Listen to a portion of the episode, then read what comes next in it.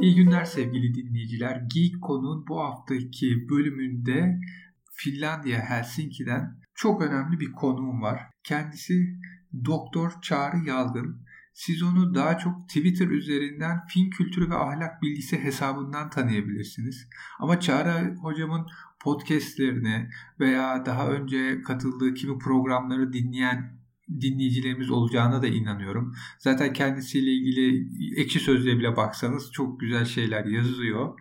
Ee, kendisi dolu dolu bir insan. Programımıza da konuk olmayı kabul ettiği için çok mutlu oldum. Çağrı Hocam merhaba, hoş geldiniz. Merhaba, çok teşekkür ederim. Hocam ben direkt damdan düşer gibi çok sorulan bir soruyla girmek istiyorum. Finliler Türk mü? evet bu bana da çok soruluyor. Ee, cevap da Finler. Finliler e, Türk değil. Bir kere zaten onlar Finli değil. Fin. Yani bunu birçok kere açıklamam gerektiğine inanamadım bile ama yani Fin bir etnik sıfat. Türk yani Finne Finne Finli demek Türkiye Türklü demek gibi bir şey.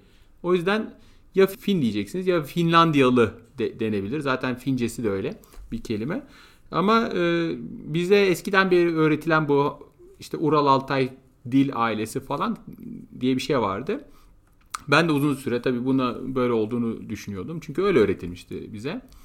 Ee, ama daha sonra gördüm ki aslında bu bilim dünyasının artık çok da inandığı bir şey değil. 1900 yani 20. asrın başında terk edilmiş bir hipotez gibi düşünebiliriz. Aslında 19. asırda bir takım Fin bilim insanları iki dil arasında bir takım benzerlikler görmüşler. Türkçe, Fince ve Macarca arasında. Daha sonra araştırdıkça ama tabii yani bilimde böyledir. Bir önce bir şeyin farkına varırsınız. Sonra dersiniz ki bir tahmin yürütürsünüz. Bu şekilde bir hipotez oluşur. Dersiniz ki benim tahminim doğruysa şöyle şeylerin ortaya çıkması lazım. O tarz şeyler öne sürüyorlar ve sonra bakıyorlar ki o bekledikleri şeyler ortaya çıkmıyor ve bu iki dil arasındaki benzerlikler, gördükleri benzerlikler çok yüzeysel kalıyor. Ve diyorlar ki bu diller ortak kökenden gelmiş gibi değil. O bir. İkincisi bir de yakın zamanda artık çok daha iyi genetik araştırmalar yapılabiliyor. Aslında yapanlar benim üniversitede yan ofisten çalışma arkadaşlarım değil. Onlarla çalışmıyorum ama tanıyorum onları. Arkadaşlarım sayılır. Kapı komşusu gibi. Komşu gibi. Ee, onlar yapıyorlar bu araştırmaları. Yaptıkları nasıl? Mesela insanların tüm genlerini her dilden konuşan insanların tüm genlerini çıkarıyorlar. Artık bu çok ucuzladı. Ondan yapabilir. Yani eskiden bunlar 20 sene 30 sene önce yapıldığı zaman işte milyon dolar tutuyordu. Şimdi bugün bin dolar tutuyor mesela veya 100 dolar tutuyor. Çok daha ucuz. Öte yandan bir de insan kalıntılarından DNA çıkarabiliyorlar. Onların genlerine bakabiliyorlar. Bu da artık mümkün oldu son 10 senede. Daha zor kısmı ise bunları karşılaştırmak. Yani milyarlarca bilgi tanesini, e, bunlar biliyorsunuz her bir genin içinde A, C, T, G'den oluşan bir dil var, genetik kod var. Bunların birbiriyle karşılaştırılması asıl çok büyük sorun. Bunun için işte süper bilgisayarlar gerekiyor. O bilgisayarları programlamak gerekiyor. Ne yapıyor olduğunu bilmek gerekiyor. O kendi başına bir ekspertiz ve onların uzmanlığı bunlar. Ve onlar bunları karşılaştırdıkları zaman insan toplulukları içerisinde Finlerle Türkler arasında çok ciddi bir e, yani diğerlerine kıyasla bir e, akrabalık görmüyorlar. Hani tabii Finler şempanzelere kıyasla Türklerle akraba tabii ama insanlar içerisinde değerlendirdiğin zaman öyle çok da büyük bir yakınlık yok. Anladım. Ama geçen de bir gazetede bir araştırma gördüm. İleride olabilir. Son dönemde Finlandiya'daki kadınların en çok evlendiği yabancı erkekler bir açık ara Iraklılar iki Türklermiş. Hatta olabilir belki öyledir. Ben de şey hani haberi gördüm işte şeye baktım işte dağılıma falan baktım sonra yorumlara baktım işte haberin yorumlarında tabii bizim hemen birkaç Türk arkadaş işte ikinci sırada Türkler var filan diye böyle bir olayı coşturmaya çalışmışlar. Hocam biraz kendinizden bahsedebilir misiniz? Yolunuz Finlandiya'ya nasıl düştü? Ben Türkiye'de tıp fakültesi mezunuyum. Tıp fakültesi sırasında ben araştırma yapmaya merak saldım. E, ve temel araştırma yapmaya merak saldım. Yani insan üzerinde değil de biyolojik araştırmalar yapmaya, insan hastalıklarına ışık tutabilecek mesela hayvan araştırmaları yapmaya merak salmıştım. Beni o ilk önce Hollanda'ya götürdü aslına bakarsanız. Hollanda'dan sonra kendime doktora yapacak bir yer arıyordum. Ve önce Finlandiya'ya geldim. Finlandiya'da yalnız benim doktoram çok iyi gitmedi. projem. Bunun üzerine Japonya'ya taşındım ve ben Japonya'da doktorumu bitirdim. 4 sene Japonya'da kaldım. Daha sonra Japonya'dan Finlandiya'ya geri döndüm. Bunun sebebi de aslında ben Finlandiya'da eşimle tanışmıştım. Şimdiki eşimle. Ee, onunla Japonya'da evlendik. Sonra bir Finlandiya'ya geri dönmek istedik. Eşim hatta benden biraz önce döndü. Ve Finlandiya, onun hala Finlandiya'da da işi devam ediyordu. Dolayısıyla biz Finlandiya'ya döndük. Ben 2012'den beri Finlandiya'dayım. Toplamda 10 seneden fazla zaman geçirdim Finlandiya'da. Gayet de memnunum. Yani e, Finlandiya vatandaşı oldum bu arada. E, Fince öğrendim. Aslında burada yaşamaktan memnunum. Havası temiz, karışan eden yok. o bazıları için bir depresif bir şey olabilir. Benim için çok değil. Ama hakikaten hocam yani karışanın, görüşenin olmaması çok büyük bir lüksmüş. Onu ben de geçen zaman içinde anladım. Yani çocuk büyütürken de onu görüyorsunuz. Hiçbir şekilde sizin yaptığınız öyle yapılır mı bu yanlış filan diyen hani öyle bir mahalle baskısı yaratacak komşular veya otobüste tanımadığınız teyzeler, amcalar yok. Hani böyle bir anda çıkacak, parlayacak. Kuzey ülkelerinin böyle güzel bir tarafı var. Evet ama havası zor. Biz geçen sene İsveç'teydik. Kasım aralığı atlattıktan sonrası gidiyor. Yazları daha görece daha iyi. Ben şimdi başka bir şey sormak istiyorum. Yani Finlandiya'da olduğumu belirttiğimden beri bazı arkadaşlarım ve sosyal medyadan kimi arkadaşlar şöyle sorular soruyor. Finlandiya'da nasıl doktor olabiliriz? Finlandiya'da doktor olmak için ne gerekiyor? E, buna en doğru yanıtı verecek kişi sizsiniz. Finlandiya'da nasıl doktor olunur? Ne gerekiyor bunlar için? Öncelikle lisan engeli var. İkinci engelde Türkiye'nin Avrupa Birliği ülkesi olmaması nedeniyle Türkiye'deki tıp diplomalarının Finlandiya'da doğrudan geçmemesi sorunu var. Dolayısıyla Finlandiya'daki e, lisans kurumuna başvurup belli bir süreçten geçmeleri gerekiyor. Fince ya fin, Finlandiya'nın iki resmi dili var. Fince ve İsveççe. Dolayısıyla Finlandiya'da hekimlik yapmak isteyen kişinin bu ikisinden birinde sınavı geçmesi lazım. Finlandiya'nın resmi sınavı var. Bu sınavı geçmesi lazım. Benim tavsiyem İsveççe öğrenmeleri aslına bakarsanız. Çünkü iki sebepten. Birincisi e, İsveççe öğrenirsiniz. İsveç'te de hekimliğe başvurabilirsiniz. Ve İsveç'in İsveç daha büyük bir ülke. Yani daha çok pozisyon var. E, maaşlar daha yüksek buradan. Üstüne üstlük Finlandiya içinde de İsveççe konuşan hekim açığı var. Çünkü Finlandiya'da İsveççenin resmi dil olmasının sebeplerinden biri Finlerin bir kısmının ana dilinin İsveççe olması. Bu insanlar Fin. Kendilerini Fin diyorlar ama ana dilleri İsveççe. O insanlara diyelim ki acil serviste veya halk toplum sağlığı merkezinde, sağlık ocağında hizmet verecek hekim gerekiyor. Ancak yeterince yok. İsveç'ten çekemiyorlar çünkü İsveç'te maaşlar daha yüksek. Kendileri de henüz o kadar yetiştiremiyorlar. Dolayısıyla İsveççe konuşan hekim ihtiyacı var. Eğer İsveççe öğrenirlerse hem Finlandiya'da hem İsveç'te hekimliğe başvurabilirler. Benim tıp fakültesinden bir arkadaşım şimdi İsveç'te hekimlik yapıyor mesela. Demek ki mümkün. Burada da o sınavları geçenler var. 3 ayrı sınav geçiliyor. Hocam sınavda neler soruluyor? Ne üzerine sınav? Klinik bilgi üzerine.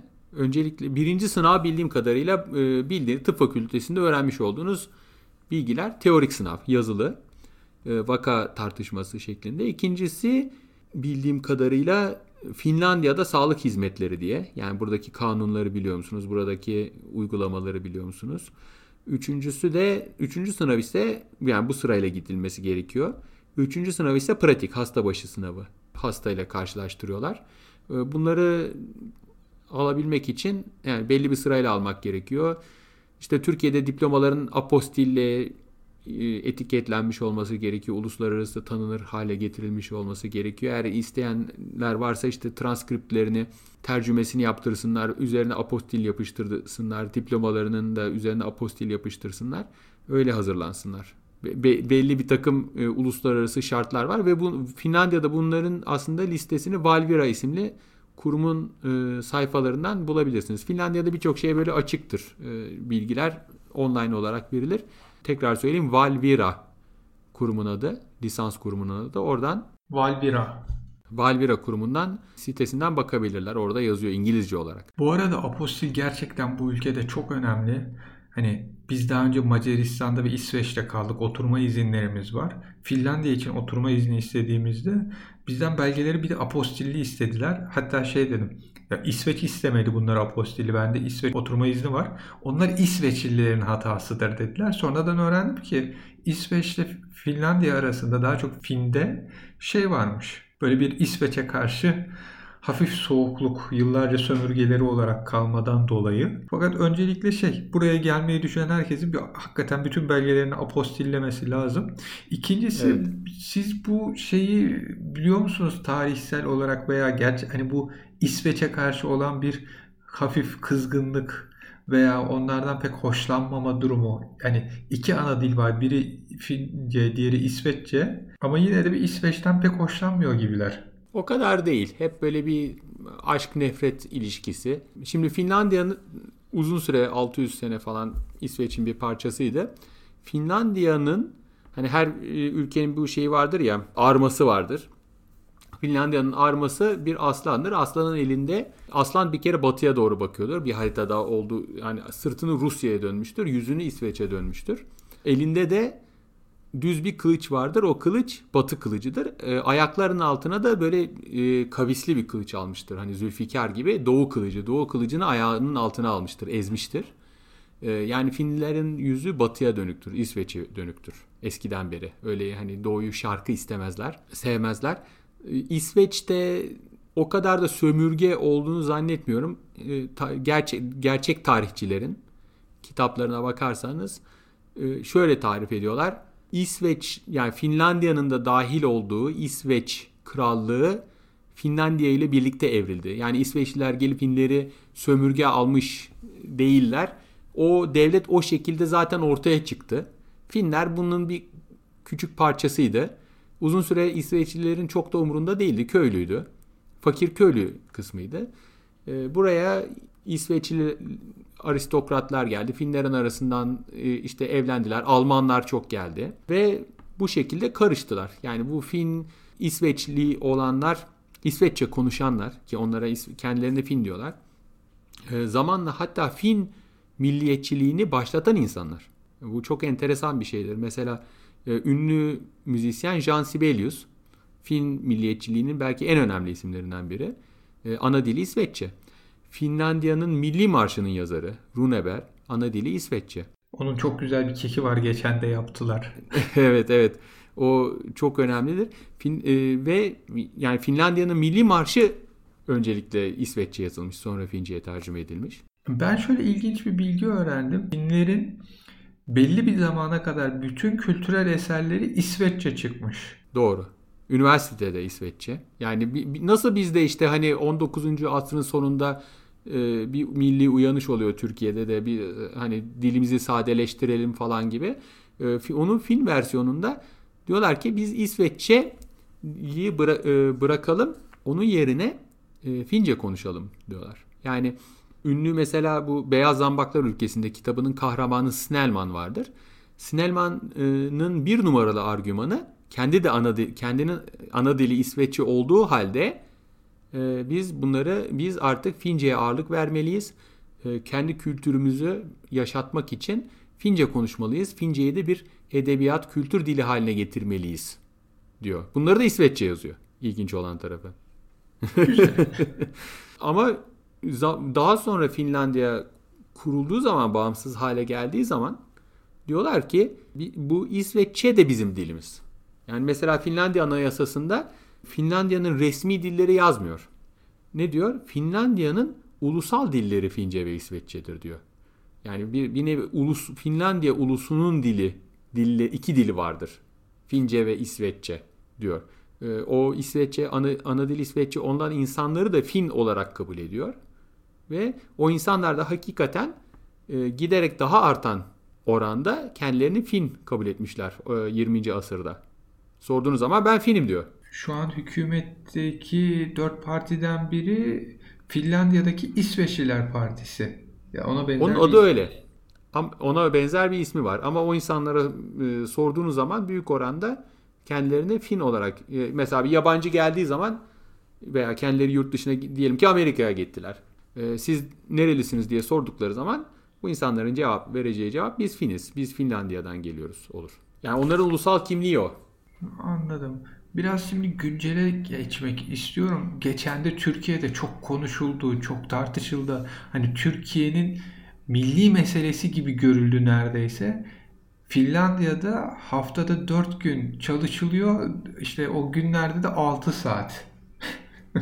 Evet. Siz bunun e, yayında bunu kendi yayınınızda bunun böyle doğru olmadığını anlatmıştınız ama burada da bir anlatalım istiyorum onu. Evet yani bu bana çok sürpriz olarak geldi. Çünkü yani çalışma saati, haftalık çalışma süresi toplam 24 saate indirilecek ve ben bundan haberdar olmayacağım. Yani mümkün mümkün değil yani bu çok büyük bir haber. Gazetelerin ön sayfasında manşetten verilmesi gereken yani zaten değil yürürlüğe girmek daha tartışması ülkeyi karıştıracak olan bir olay. Yani öyle herkesin kuzu kuzu kabul edeceği bir şey değil bu. Birileri bana Twitter üzerinden hocam bu doğru mu diye yazdılar. Ben de bunu duyunca tabii dediğim gibi yani çok şaşırdım. Ben böyle bir şeyi duymadım. Hatta ben söyleyince itiraz edenler oldu. Yani koskoca işte filanca yalan mı söylüyor falan diye. Ee, bizim Türkiye'de gazeteciler olsun, bir takım işte Twitter'da kendilerini yarayan, arayan akademisyenler olsun e, gördükleri haberi olduğu gibi e, kopyala yapıştır yöntemiyle e, tekrar dağıtı, dağıtıyorlar, duyuruyorlar. Hiç kontrol etmeden ve bunun sonucunda çok yayıldı o haber. Ben de bir yandan da şüphe ediyorum yani gerçekten öyle bir şey var mı? Kendim açtım, gazeteye baktım. Daha sonra İngilizce haberlere baktım. Benim fincem mi yetmedi acaba hani bu, bunu anlamak için diye. Ee, ama ortaya çıktı ki sonunda gerçekten Brüksel'de, Brüksel merkezli bir gazetenin çok dikkatli bir şekilde yazdığı, e, yalan haber diyemem ama yanıltıcı haber diyeyim ile e, bu yayılmış. E, gerçekliği olmayan bir şey. Yani zaten şimdi Finlandiya'da haftada ne kadar çalışıyoruz? Biz 36 saat veya 37 saat. Düşünsenize şimdi bunun haftada 24 saate indirilmesi ne kadar büyük bir maliyet oluşturacak işveren için. Bunu kolay kolay e, kabul etmezler. Siz ne diyorsunuz yani bu değil mi? Haftada diyelim ki 5 gün yerine 4 gün çalışacaksınız. En az %20 daha az çalışıyorsunuz. Diyelim ki aynı paraya. Yani sizi cuma günü de çalıştırmak için bir %20 daha %25 daha. Çünkü 4 günün %25'i daha fazla para vermesi gerekecek. E, yani hiç mantıklı değil. E, neyse sonunda da doğru çıkmadı ama benim tahminim buna herkes inanmak istiyor. Bugün baktığınız zaman bana hala bazen e, geliyor. Diyorlar ki işte hani Finlandiya'da böyle bir çalışma var mı? Ben de diyorum yok yani.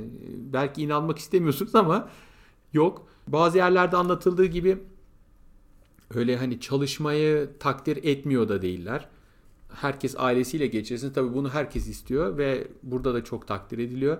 Ancak öte yandan çalışma, verimlilik bunlar da önemli şeyler. Hiç kimse bunları yatsımıyor. Peki. Ben şeyi soracağım. Bu fin kültürü ve ahlak bilgisi nereden geldi aklınıza? Nasıl çıktı o hesap? Valla ben ilk başta onlar Finli değil Fin diye yazıyordum. Aslına bakarsanız ilk başta Beyaz Zambaklar ülkesinden diye yazıyordum.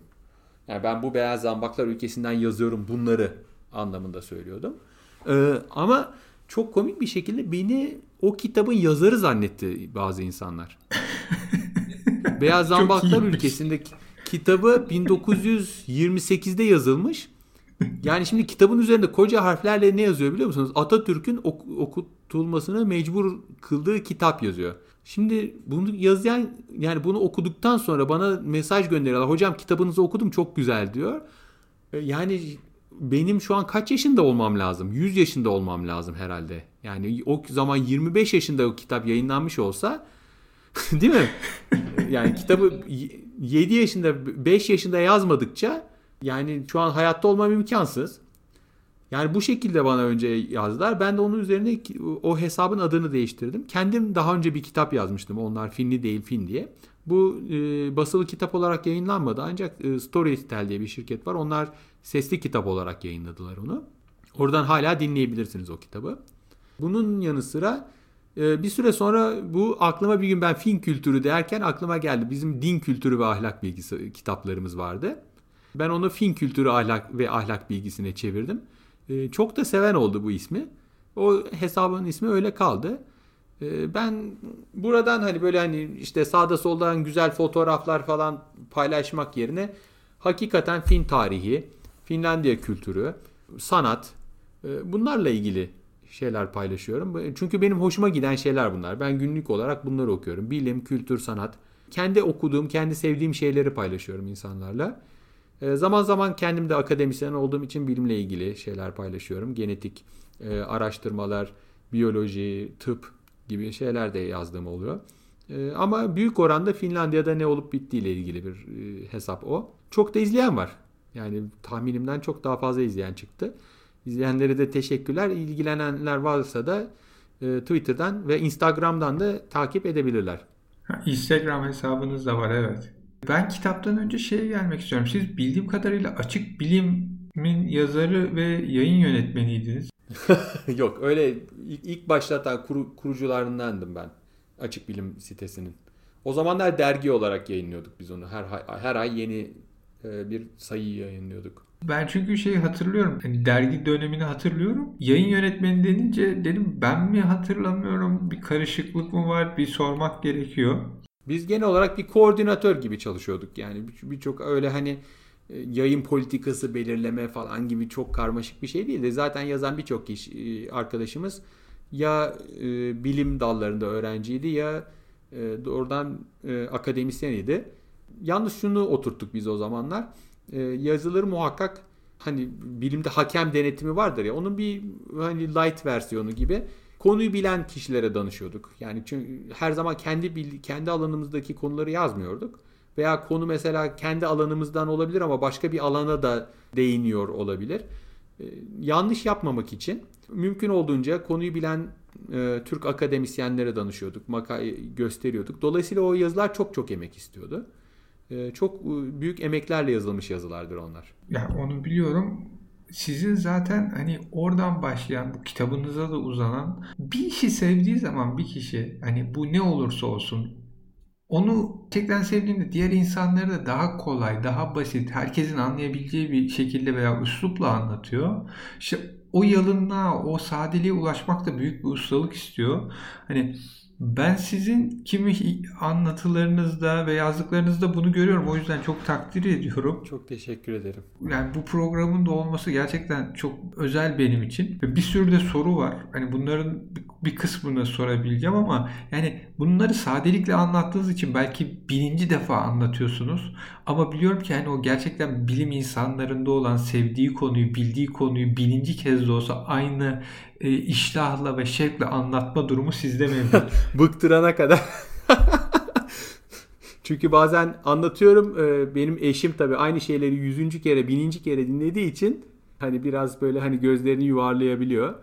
E, e ama öyle ya evde olunca da hep karşı taraf hep hani karşı taraf hep aynı sorular sorulunca karşı taraf da hep aynı şeyleri söyleyince evdeki diğer bir kişi yeter diyebiliyor. diyebilir. ben şeyi de soracağım hani kitapta da olan bir şey hani bilinen Finlandiya esasında çok fakir bir ülkeydi.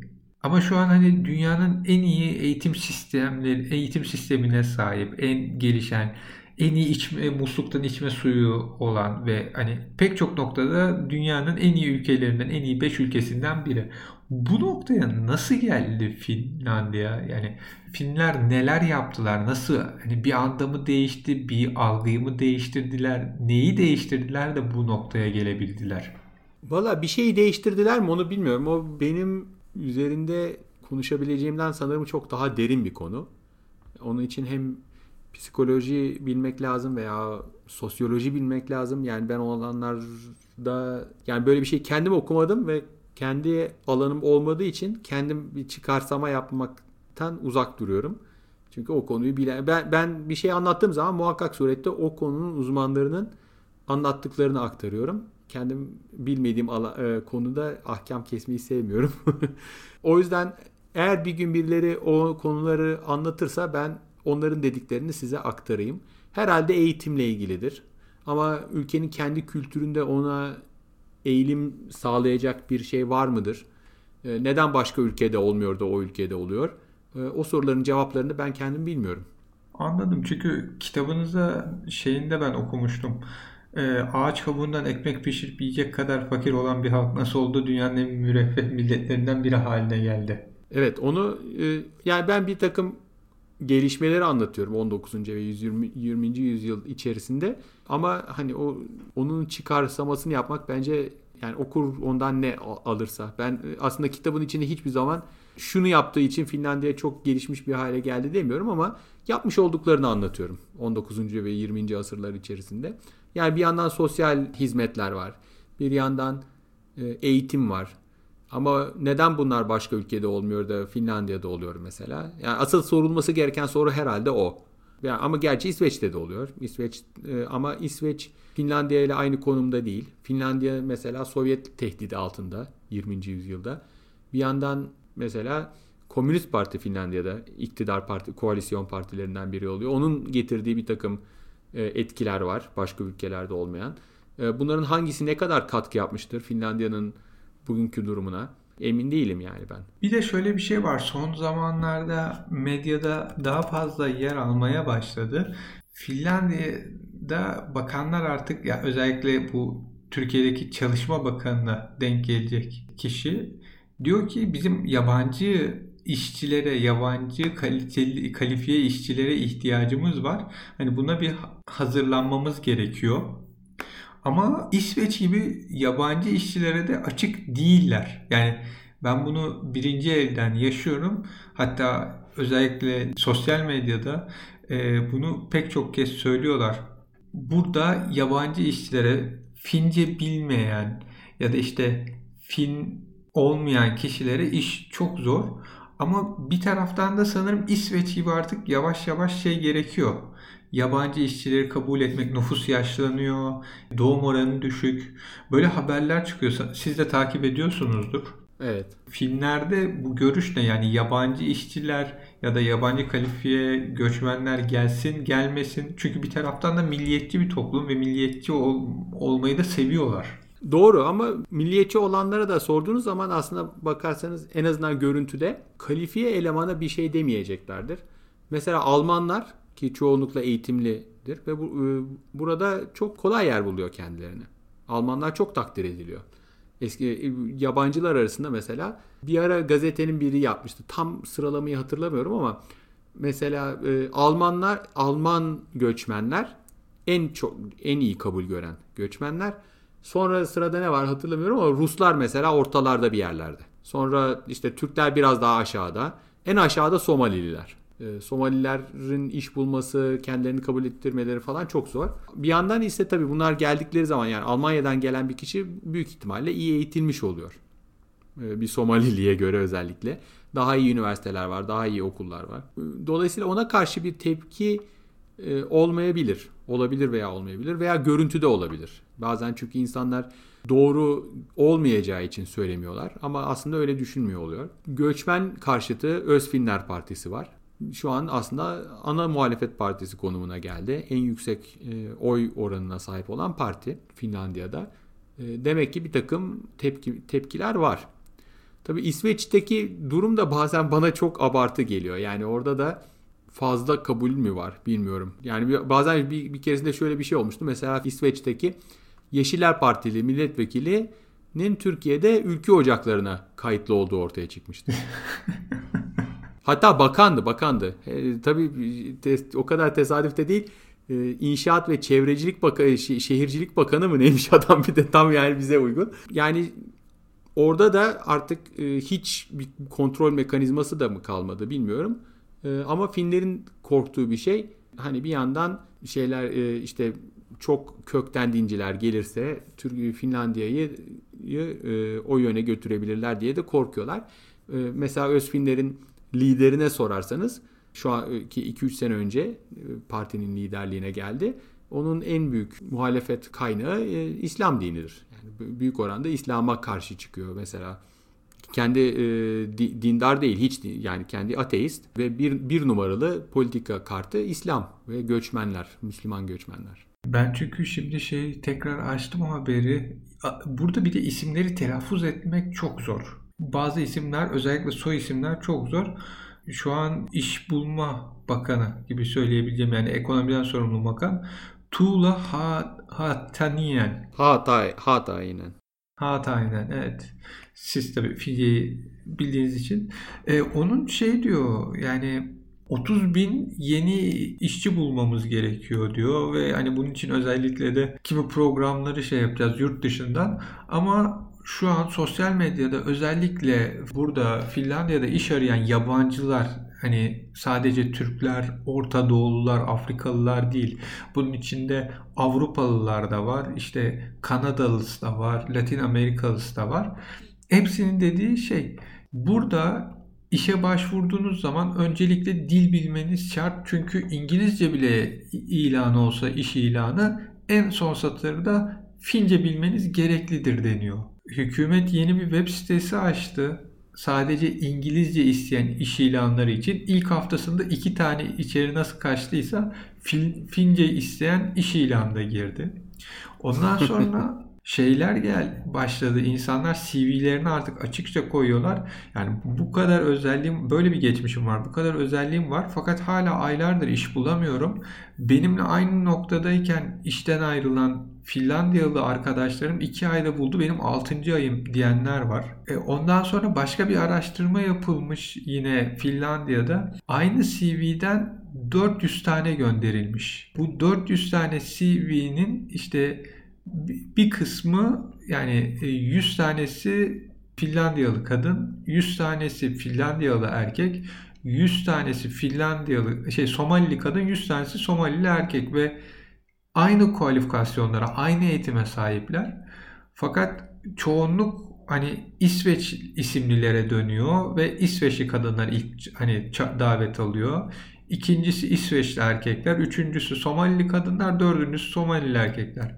Hiçbir şey belirtmeden hani nereli olduğunu sadece isim bile koysa Finlandiyalılara ait isimler ilk çağrılanlar. Bunlar da yapılan araştırmaların sonuçları bunlar medyaya da yansımış. O yüzden hani rahatça söyleyebiliyorum.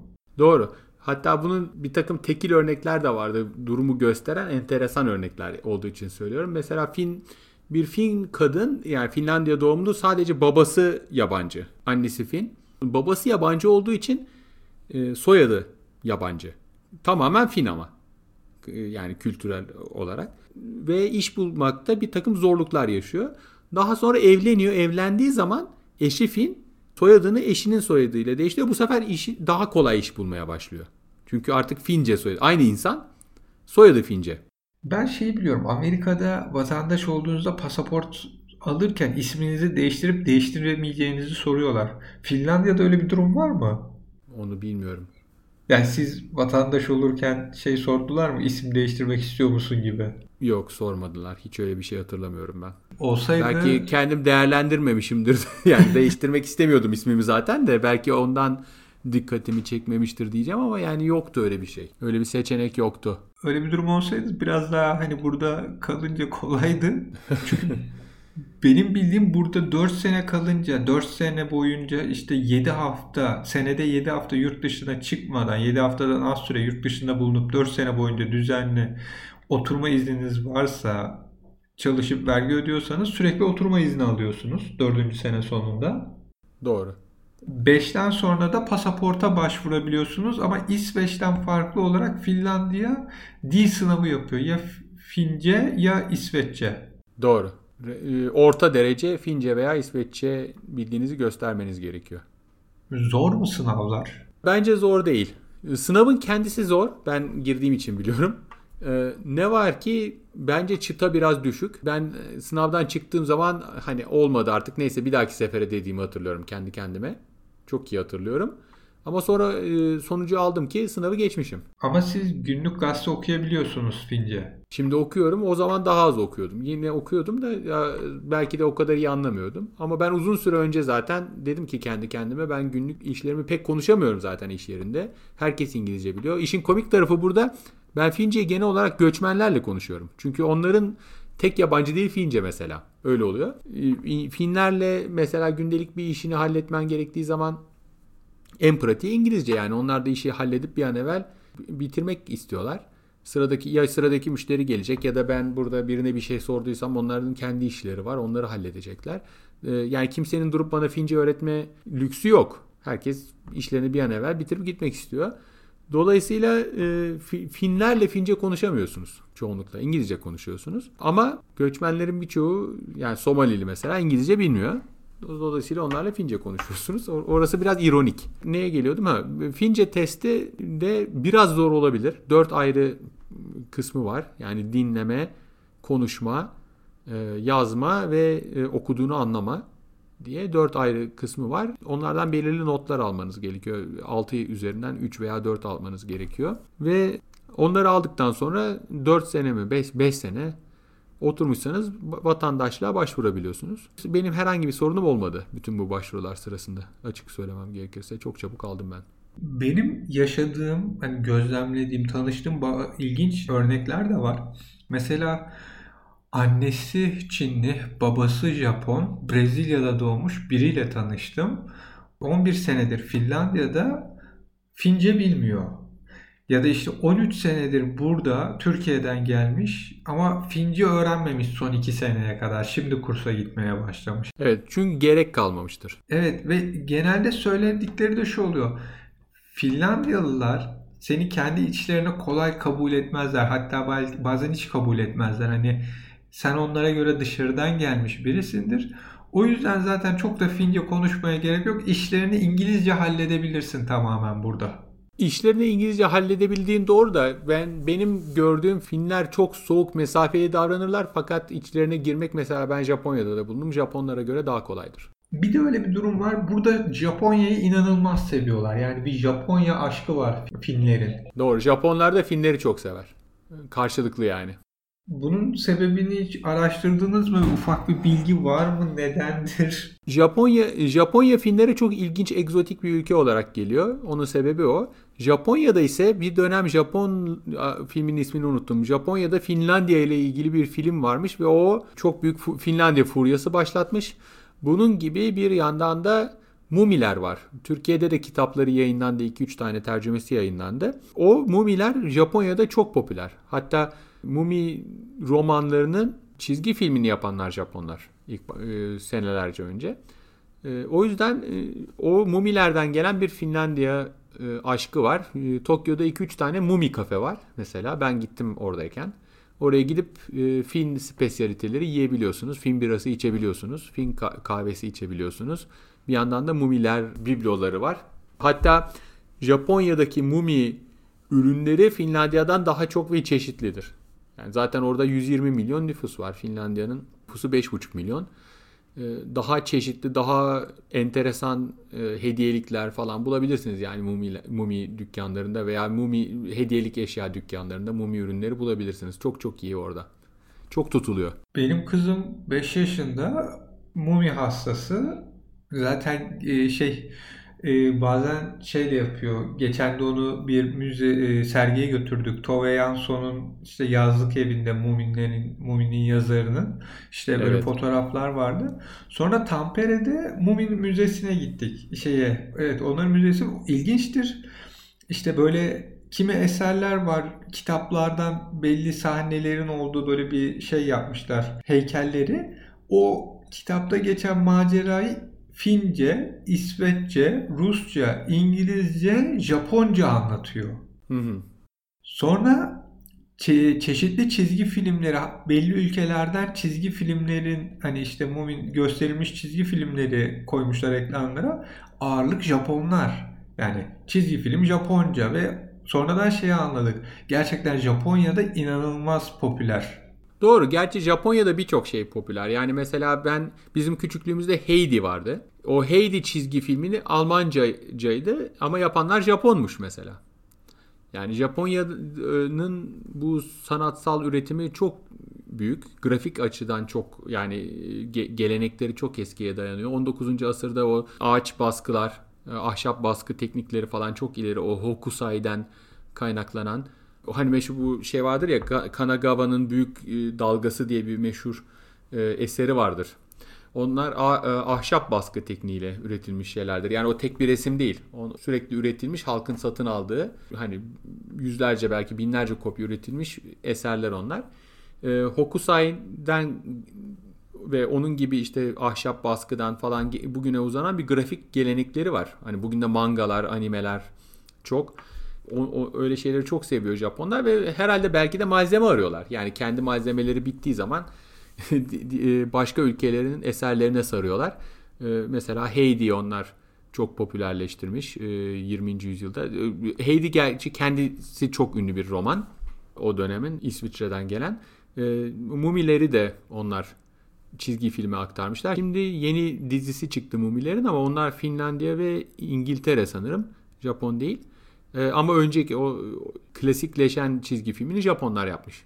Peki ben son olarak kitaba dönmek istiyorum. Bu kitap fikri nasıl çıktı? Hani ondan sonra nasıl gelişti? Yani bu ben, yani ben hikaye biliyorum da bir siz anlatırsanız. Valla ben şunu düşünmüştüm. İlk başta Finlandiya ile ilgili enteresan şeyler buluyordum. Orada burada. Sanırım Tampere'de aklıma gelmişti. Tampere'de oturuyorduk biz o zamanlar. Tampere'de Plevna diye bir fabrika var. Yani şimdi Plevna deyince aklımıza Plevne geliyor tabii ki. İyi de bu Plevne nereden çıktı? Yani niye burada Plevne fabrikası var diye ben kendi kendime sordum. İnsanın sorması lazım yani. Bir bilim insanı olunca daha hızlı soruyorsunuz evet. Hemen de bulamadım cevabını. Kendi internet sitesinde anlatıyor biraz. Sonradan buldum. Ne var ki e, aslında hikaye çok ilginç. Tabii ki yani Türkiye ile bir bağlantısı var. Plevne ile bir bağlantısı var. O da şu. O fabrika yapıldığı dönemde Finlandiya ki hala Rusya'nın bir parçası. Fin askerleri Rus ordusunda dolayısıyla Türk-Rus savaşında Fin askerleri görev yapıyor. Ve onların görevleri Fin taburu var. Adı o Fin taburu. Fin taburunun yaptığı, görev yaptığı yer Gorni Dubnik diye bir köy.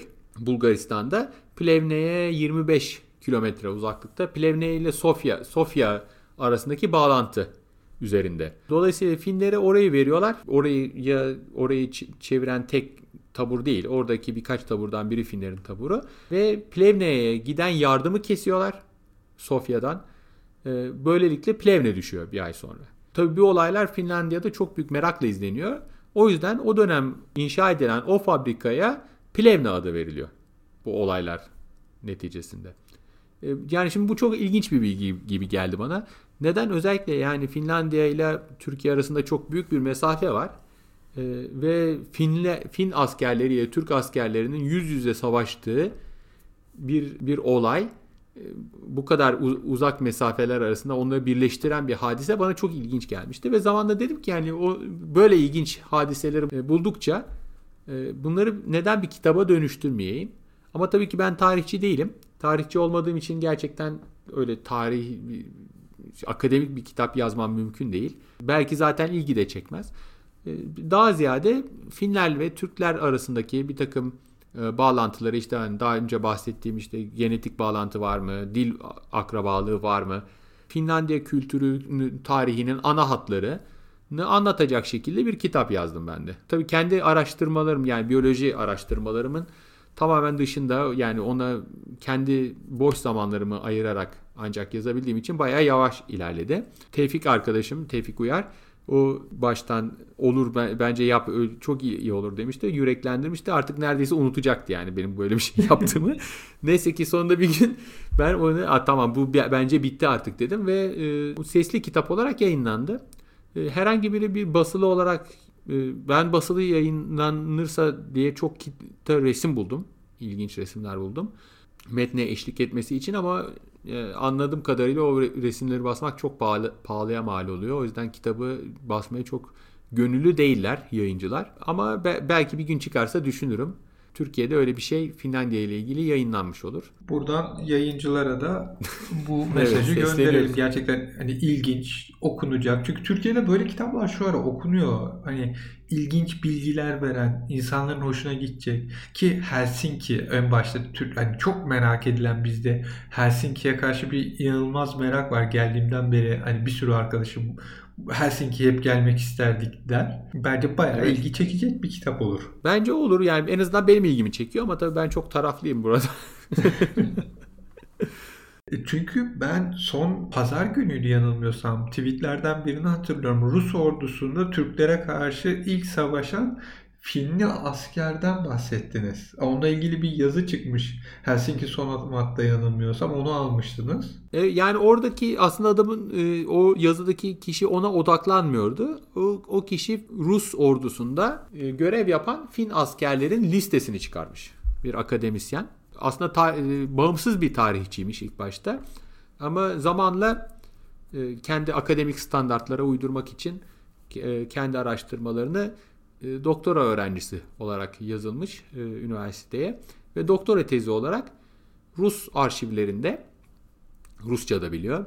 Rus arşivlerindeki e, Fin askerlerin listesini çıkarmış ve her zaman bu isimden de hani böyle Kimi Raikkonen gibi bir isim de olmayabiliyor. Çünkü eski isimlerde çok İsveççe var, Almanca var.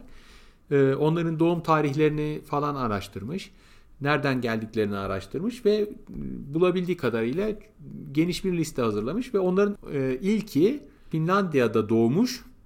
Annesi Baltık diyor. Dolayısıyla Litvanyalı olabilir, Estonyalı olabilir, Letonyalı olabilir.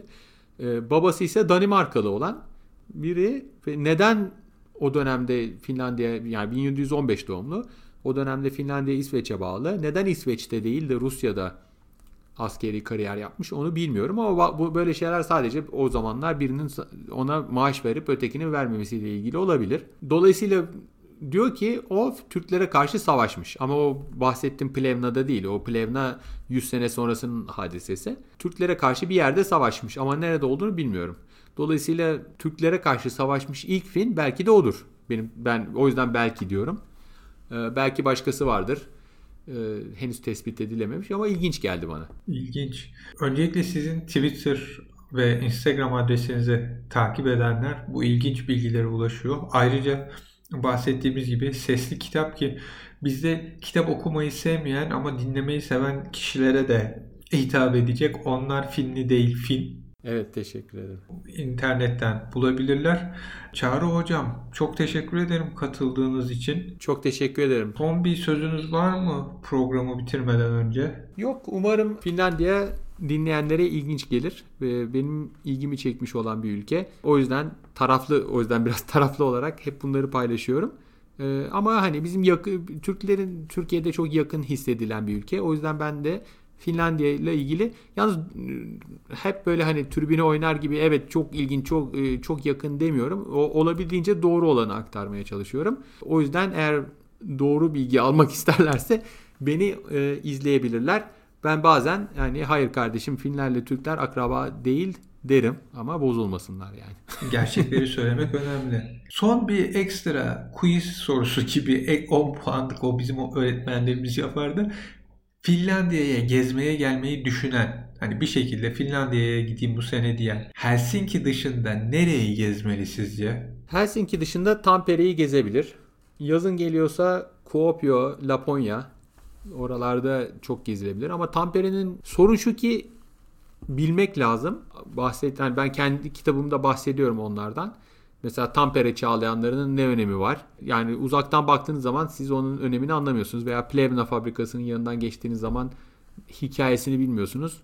Keşke aslında böyle bir kılavuz yapsak da Türkiye'den gezenler de e, bunları anlasalar, bilerek gezseler. Aslında turist rehberleri var. Onlar benim anlattığımı anlatmıyor olabilirler ama başka e, hikayeler anlatıyorlardır. Instagram'da bildiğim kadarıyla e, birkaç turist rehberi var Türkçe olarak hizmet veren ya Türkler ya da Fin olup Türkçe bilenler var. Onların yardımıyla belki de Helsinki'yi, Tampere'yi, Turku'yu gezmeleri tavsiye edebilirim. Çok teşekkür ederiz. Ha, tabii Tallinn'i de gezsinler. Onu da unutmamak lazım. Peki. Sevgili dinleyiciler, Geek konunun başka bir bölümünün sonuna geldik. Bizi dinlediğiniz için teşekkür ederiz. Yayınlarımızı Spotify üzerinden, Apple'ın çıkardığı telefon veya tablet kullanıyorsanız iTunes'ta Podcast Application'da Geekgiller yazarak Android temelli bir telefon ya da tablet kullanıyorsanız yine Podcast Application'ında Geekgiller yazarak dinleyebilirsiniz. Yayınları SoundCloud'a yüklüyoruz. Twitter ve Facebook adreslerimizden bizi takip edebilir, yayınlarımızı beğenip paylaşabilirsiniz. Yorum veya görüşlerinizi de yazarsanız seviniriz. Bize ulaşmak isterseniz de mail adresimiz geekgiller.gmail.com Gelecek programda görüşmek dileğiyle hoşçakalın, iyi günler.